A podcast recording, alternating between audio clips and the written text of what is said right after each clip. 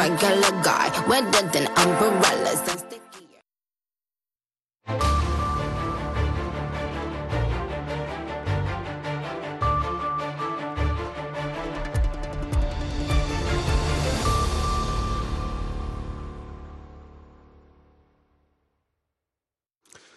halkani waa laanta afka soomaaliga ah ee v o a oo aad ka dhegeysanaysaan mawjadaha gaagaaban hirarka filimada geeska africa iyo caalamkao dhan oo aad naga dhegeysanaysaan bogga v o a somaly com.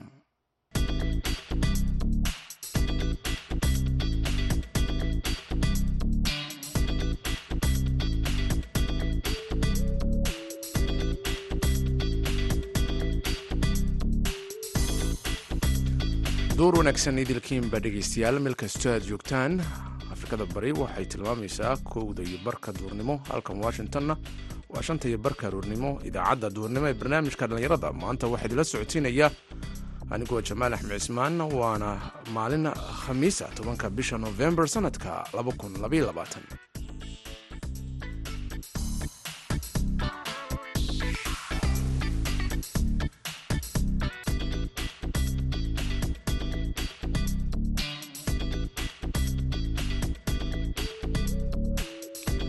qodobada aad ku dhegeysan doontaan waxaa ka mid ah warbixin ka hadlaysa ardayda qaxootiga ku ah xeryaa dhadhaab qaarkood ee ka baxay dugsiyada sare oo helay fursado waxbarasho dhinaca dibadda ah. Runtii wallaahi waa arrin zaa'id muhiim u ah arday walbana uu ku hami wen yahay maadaama deqii wilaadkeeni hoose iyo kuwii dhexeeyey dugsiga sareba soo dhibaatooyin badan aan la soo marnay haddana aan awood saas lee jirin oo jaamacad lagu sii dhigto. Soo marka qof walba waan soo dhaweyn lahayn oo naga bixinaa arday walbana soo hambiga noocaas uu kala leeyahay aan leeyahay. Waxaad kaloo dhegeysan doontaan dhallinyarada puntland oo lagu dhiirgelinayo ka qayb qaadashada doorashooyinka qofka iyo codkaahi ee deegaanada puntland ka dhici doonta. Sidoo kale barnaamijka waxaan ka marnayn kaalmihii sugaanta iyo ciyaarihii dabcan. Intaas oo idil waxaa ka horeynaya dhegeystayaal warkii dunida ee ku soo dhowaada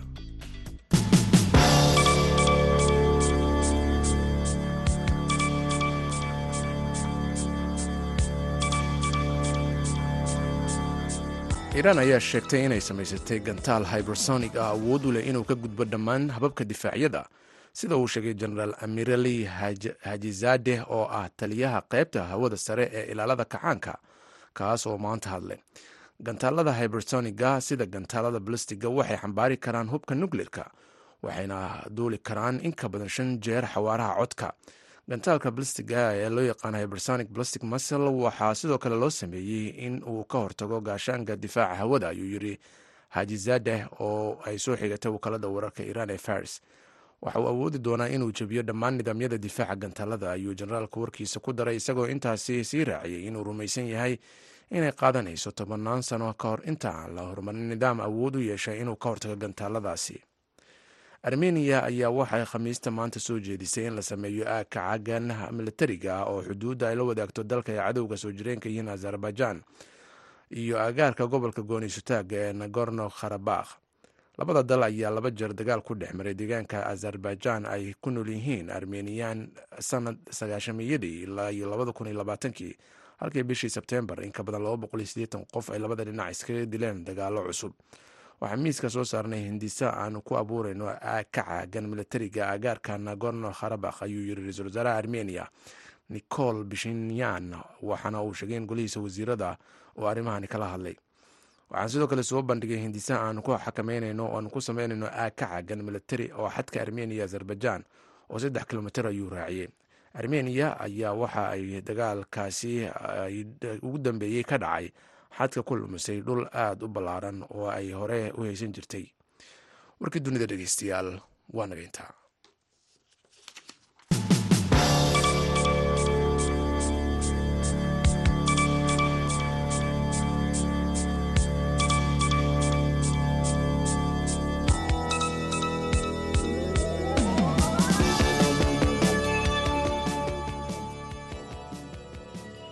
duur wanaagsan. Idilkiinbaa meel kastoo aad joogtaan. Halkaad warkaasi ka dhegeysanayseen waa v o a dhegeystayaal aanu gudagalno qodobada kale idaacadda. Duurnimo ee barnaamijka dhallinyarada maanta idinkugu hayo. Qaar ka mid ah ardada dugsiyada sare ka baxay xeryaha qaxootiga dhadhaab ee dalka kenya isla mar ahaantaasina dhibco aada u sareeya kaga baxay ayaa helay fursado waxbarasho dibadda oo ay jaamacado wax kaga soo baran doonaan. Arrintan ayaa waxaa soo dhoweeyey waalidiinta iyo ardada ka baxday dugsiyada sare. Warbixin arrintan la xiriirta waxaa soo diray wariyaha v o a axmed nuur maxamed cabdulaahi iyo gool. Qaar ka mid a dhallinyarada ka baxday dugsiyada sare ee ku yaalla xerooyinkan qaxootiga ee dhadhaab islamarkaana helay dhibcihii deeq waxbarasho looga heli jiray jaamacadaha ku yaalla ee dalkaasi kanada ayaa waxay rajeynayaan in waxbarashadooda sare ay dhowaan ka bilaabaan. Ee dalkaasi kanada dhallinyaradan ayaa waxay dadaal fara badan ay ku bixiyeen si ay dhibcahaasi u helaan si ay uga faa'iidaystaan deeqaha waxbarasho ay bixiyaan. Qaar ka mid a jaamacadaha dalka kanada muddooyinkii ugu dambeysay ayaa dhallinyaro fara badan oo ka baxday dugsiyada sare ee ku yaalla xerooyinkan qaxootiga ee dhadhaab. Waxay ka faa'iidaysanayeen fursadahan iskuullada ah inta badan ardayda ugu badan ee deeqaha waxbarasho ka hela dalkaasi kanada ay ka baxaan. Waxaa ka mid ah dugsiga sare ee albusra ee ku yaalla xerada qaxootiga ee xagardheer ugu horreyn qaar ka mid a dhallinyarada rajaynaysa inay dhowaan ay deeq waxbarasho ka bilaabaan. Dalkaasi kanada oo la hadlaya barnaamijka dhallinyarada ee v o a ayaa waxay uga warrameen dareenkooda ku saabsan arrintan. Magacayga saddexaad waa cabdiwahaab cabdirasaaq cabdi so waxaan ka mid ahay ardaydii ka baxday dugsiga sare ee albushra sannadkii labada kun iyo labaatanka. So waxaan aada ugu hamiweynahay inaan helo deeq waxbarasho oo dalka dibaddiisa ah. Waa tahay waxaad markaasi samaysay dadaal fara badan oo ku saabsan inaad hesho dhibcaha dalka canada deeqda waxbarasho ee looga helo jaamacadaha dalkaasi canada ku yaalla marka ka waran rajadaada arrintan ku aadan. Rajadeeda wallaahi zaa-id ay ugu weyn tahay. So waana ku hamiweyna inaan heli doono insha allah so waana ku dadaala inta tabarteeda inaan helo. Marka dadaal intee leeg baad ku bixisay arrintan? Dadaal ilaa dugsigi dugsigeyga hoose dugsiga dhexe ilaa dugsiga sare. Macalimiintii soo garab qabteen. Ilaa intaa maanta ku soo joogo weli iskuulkayga joogo. Oo shaqo macalinimo aan ka ahay haddana. So weli dadaalkaygii ilaa meel hoose ka soo bilawda waxaan kula joogeyna inaan kamira dhalin doono insha allah. Nin dhallinyaraa tahay oo xero qaxooti jooga islamarkaana waxaan ognahay nolosha xerada qaxootiga inay aada u adag tahay. Marka markay timaado nin dhallinyaro xero qaxooti jooga oo dadaal fara badan ku bixiya sidii uu deeq waxbarasho uga heli lahaa dalka dibaddiisa ee gaar ahaan dalka canada. Maxay kaaga dhigan tahay?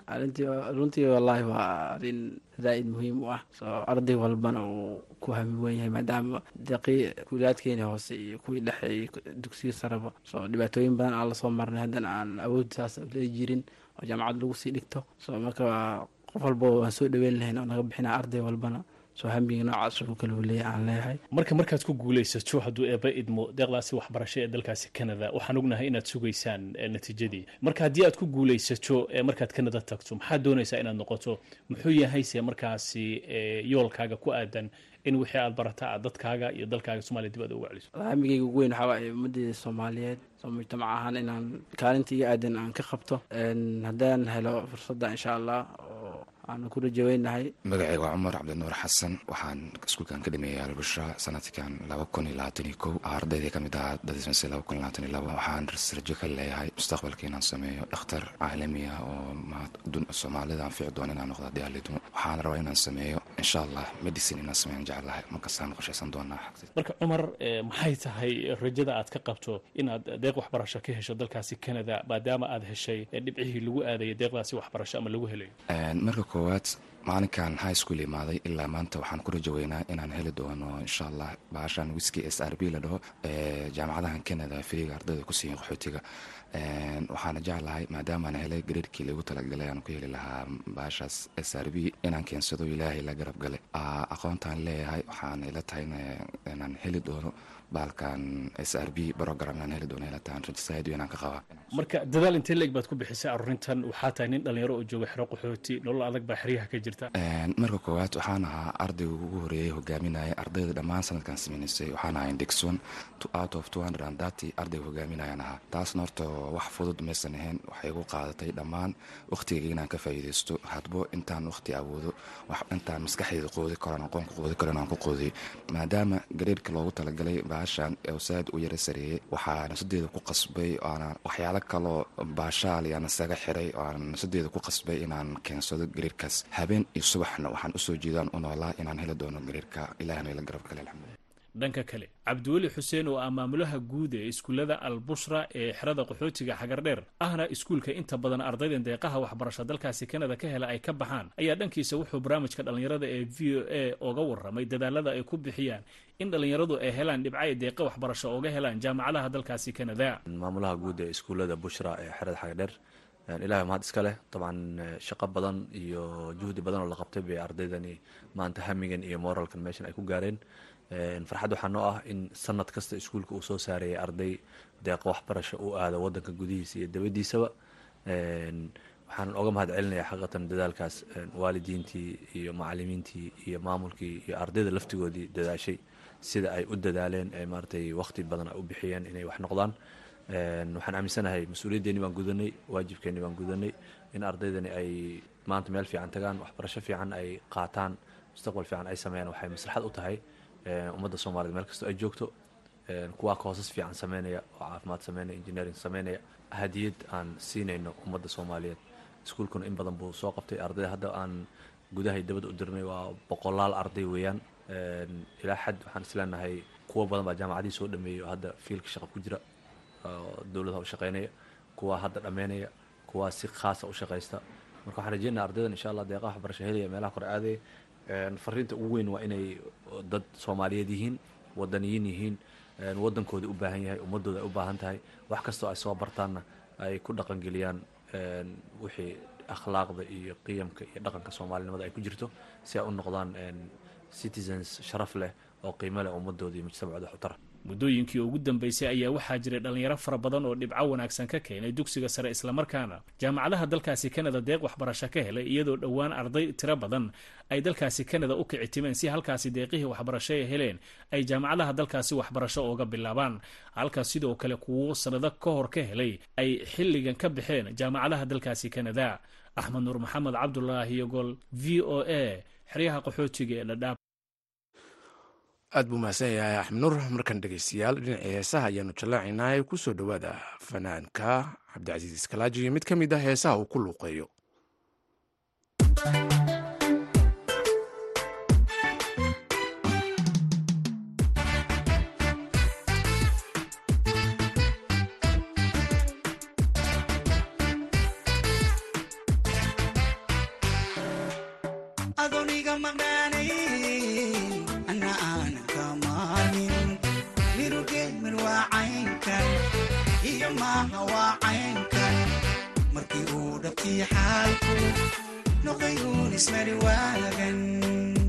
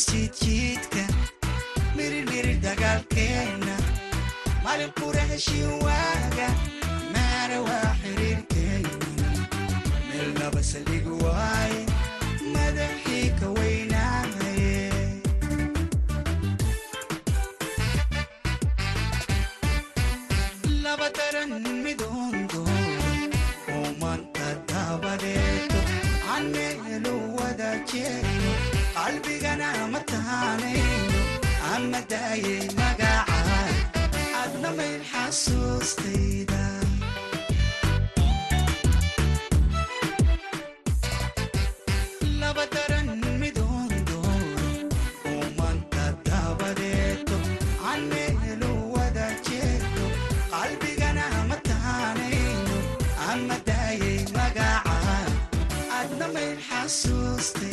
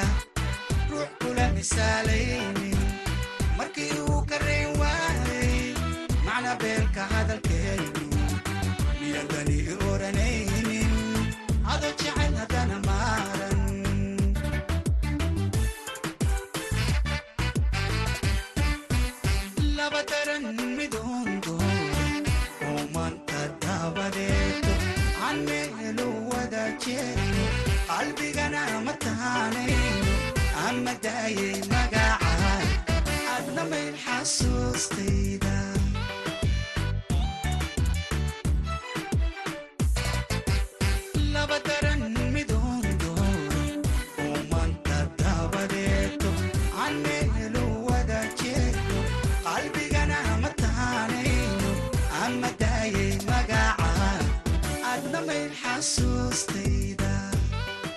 waa tahay. Iskalaaji ay ku luqeynaya heestaasi halkaad ka dhegeysanayseen waa v o a dhegeystayaal markana puntland. Dalada ay ku midaysan yihiin ururada dhalinyarada puntland ayaa waxa ay ugu baaqayaan oo ay ku dhiirgelinayaan dhalinyarada ku dhaqan deegaanada puntland ka qayb qaadashada doorashooyinka la filayo in deegaanadaasi ka dhacaan ee qofka iyo codka inay noqdaan.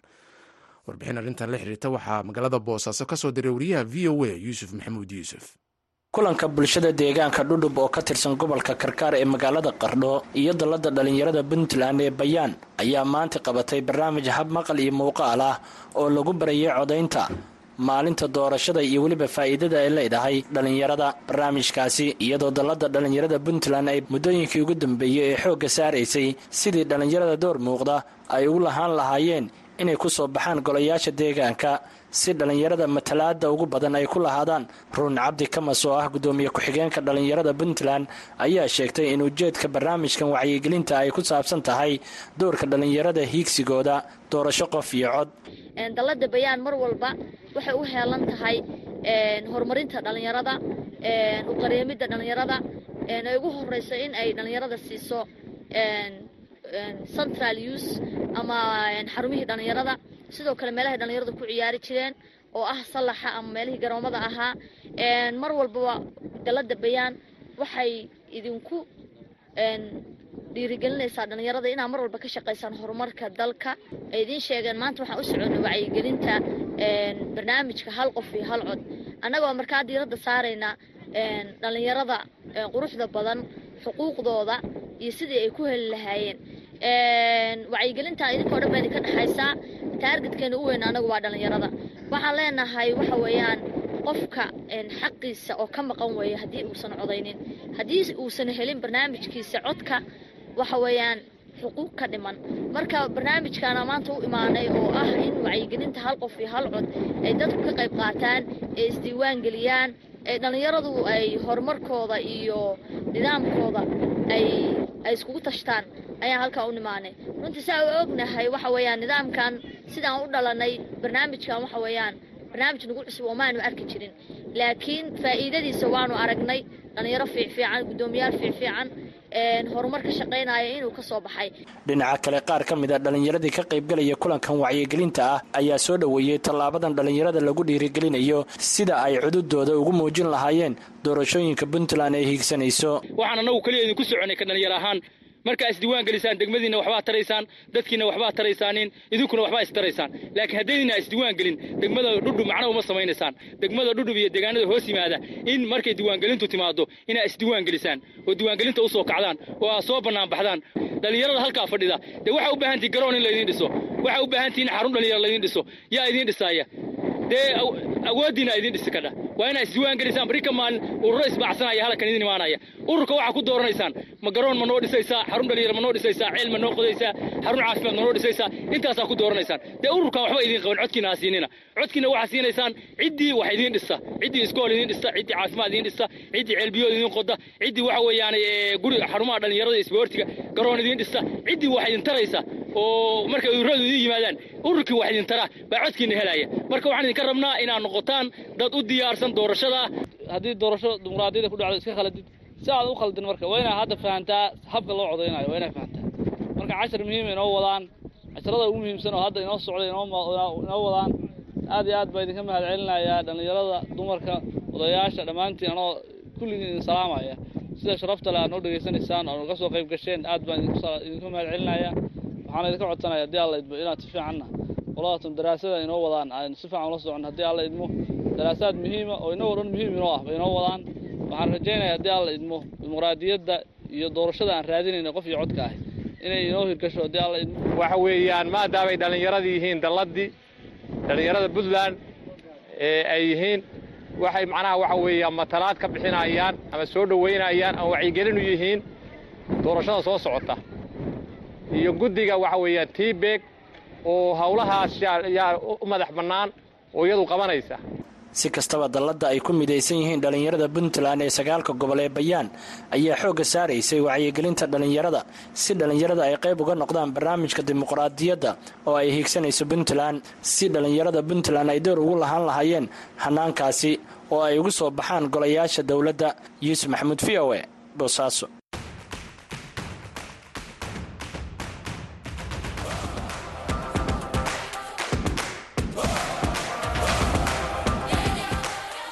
qabsoomidda ciyaaraha adduunka ugu weyn ee ka dhacaya sannadkan labada kun iyo laba iyo labaatanka dalka qatar. Ku soo biir v o eda si aad ugu dabaaldegto ciyaaraha boqorka afrika. Waxaad maqli doontaan falanqayn qoto dheer oo kadib iyo ka horba ah xilliga ciyaaraha. Xidigihii soo baxay wararkii kuwa guulaha gaaray tababarayaasha cayaartooyda iyo dabcan maankaagaba yaysa ka bixinay taageerayaasha afarta koone ee qaaradda. Magaalada dooxa waxaan halkaasi joogi doonnaa inta tartanka uu socdo. Ee ha moogaanin haddaba madadaalada v o eda ee kooxda afrika. Aynu wada aragno mucjisada ciyaaraha kubadda cagta ee caalamka ee sannadkan labada kun iyo laba iyo labaatan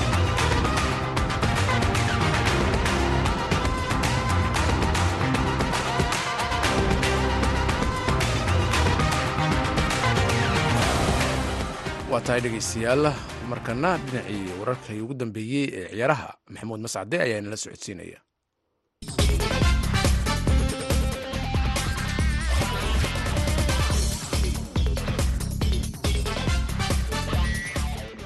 Kulan wanaagsan dhegeystayaal dhammaantiinba kuna soo dhowaada xubinta ciyaaraha. Aan ku bilaaba ee koobka e f l kaabka ee waddanka ingiriiska ayaa habeenka xalay ah kulamo adag layskaga hor yimid iyadoo inta badan kooxaha waaweyn ee dalkaasi ee ka tirsan horyaalka waddanka ingiriisku ay fooda isdareen. Laakiin kulankii layaabka laha ee habeenkii xalay dhacay waxa uu ahaa kii dhex maray kooxaha kubadda cagta ee nottingham forest iyo tottenham hatisba kooxda kubadda cagta ee tottenham hatisba ayaa lagaga adkaaday laba gool iyo waxba oo kooxda nottingham forest ay guushu ku raacday. Inkastoo nottingham forest ciyaaryahan calaamada guduudan loo taagay haddana arrintaasi waxba uma aanay dhiminin oo kooxda kubadda cagta tottenham hatisba oo xidigaheedu ay u dhegadhannaayeen haddana waa laga adkaaday waana toddobaadkii labaad oo xiriira oo guuldarro xanuun badan ay kooxda kubadda cagta ee tottenham hatisba ay la kulmayso. Chelsea ayaa idana sidaa si lamida laga adkaaday waxaana laba gool iyo waxba kaga badisay kooxda kubadda cagta ee manchester city. Manchester city goolasha waxa uu kala dhaliyeen ciyaaryahanada alvares iyo mahrez waxaana xusid mudan in kooxda kubadda cagta ee manchester city uu habeenkii xalaya garoonka u soo galay ciyaaryahan kelvin philips oo muddo dhaawac kaga maqnaa xidigan oo xilli ciyaareedkii dhammaaday ee kooxda kubadda cagta ee lidis kala soo wareegtay kooxda kubadda cagta ee manchester city. Ayaa taageerayaasha ingiriisku haatan ku farxeen ka soo muuqashadiisa kooxda kubadda cagta ee manchester city oo waxay rumaysan yihiin xidigu inuu lafdhabar u yahay xidigaha uu caawa ku dhawaaqi doono tababaraha xulka qaranka ee ingiriiska gaarad sawdgate kulamada kale dhacay waxaa ka mid a kooxda kubadda cagta ee liverpool ayaa rigoorayaal kaga soo adkaatay derby county. Kooxda kubadda cagta ee crystal balace oo la ciyaartay kooxda newcastle unitedna iyana rigoorayaal ayaa laga badiyey arsenal waa laga adkaaday oo baraton of albion ayaa gurigeeda ku dubatay saddex gool iyo hal ayaa dusha loo saaray waxaana muuqanaysa dulduleelada kooxda kubadda cagta ee arsenaal oo waxaa la leeyahay arsenaal koob iyo tobanka ciyaaryahan ee macalin artoota la soo shir tago kulan kasta marka laga yimaado xidigaha kaydkuma ahan kuwa u babaacdhigi kara in ay wax weyn ka soo hooyaan amaba ay si hufan uga hortagaan kooxaha kubadda cagta ee waddanka ingiriiska taasi oo la leeyahay kooxda kubadda cagta ee arsenaal waxaa suuragala in ay hogaanka horyaalka dalkaasi lumiso haddii aanay xidigo soo iibsanin bisha january marka suuqa kaliibsiga ciyaartooydu u furo. Dhinaca iyo haddii aan jaleeco koobka kubadda cagta adduunkana xulka qaranka faransiiska tababarahooda desham ayaa ku dhawaaqay dhammaanba xidigaha uga qaybgalaya koobka kubadda cagta adduunka faransiiska. Xidigaha uu tababaruhu magacaabay waxaa ka mida benzima varan iyo kimbabe oo ah saddex ciyaaryahaan oo xulka qaranka ee faransiiska lafdhabar u ah laakiin kooxooda dhaawac kaga maqan lama oga in ay ka soo bogsoon doonaan dhaawacan iyo in kale laakiin macallinku rajo wanaagsan ayuu xidigahan ka muujinaya. Waxaa xusid mudan xulka qaranka ee faransiiska uu difaacanaya koobka kubadda cagta adduunka. In laba ciyaaryahaan oo lafdhabar u ahaa hanashadii koobkaasi ay dhaawac kaga maqan yihiin oo aanay koobka kubadda cagta adduunka qaybgeli doonin xidigaha qadka dhexe ka ciyaarayay ee kante iyo bogba laakiin ciyaaryahan embabe ayaa wax weyn qarankiisu ka filayaan in uu ka keeno koobka kubadda cagta ee adduunka. Waa hagaag dhegeystayaal xubintaana ciyaarahan inta ayaan ku soo gabagabeynaya tan iyo kulan dambe oo mascado idila sida iyo nabadgelyo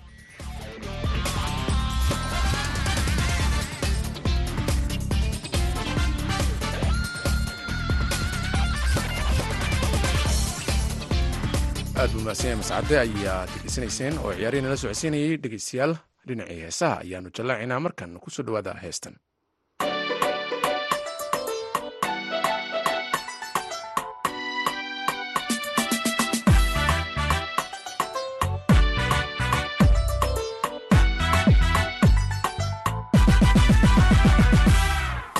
Wada cawaynayne in wada cayaarayne cashaqadii siinaysay codkaadiigu heesaysay. Siduu i cajabinaayay cindigayga ka mas'uul kulkan wada cawaynayne in wada cayaarayne cashaqadii siinaysay codkaadiigu heesaysay. Siduu i cajabinaayay cindigayga ka mas'uul kulkaad yara cadhoonaysay kashan kugu xasuumay. Jawiyadan ku ciidaynay xasuustoodii ka macaagi kulkaad yara cadhoonaysay kashan kugu casuumay jawiyadan ku ciidaynay xasuustoodii ka macaagi weli ruuxin kula cayna quruxda nacad kula nooca caqligana qof kula taama weli ruuxin kula cayna quruxda nacad kula nooca caqligana qof kula taama mabo arag cid koonkeenin abi xaashaqugu dhanta mabo arag cid koonkeenin abi xaashaqugu dhanta mabo arag cid koonkeenin abi xaashaqugu dhanta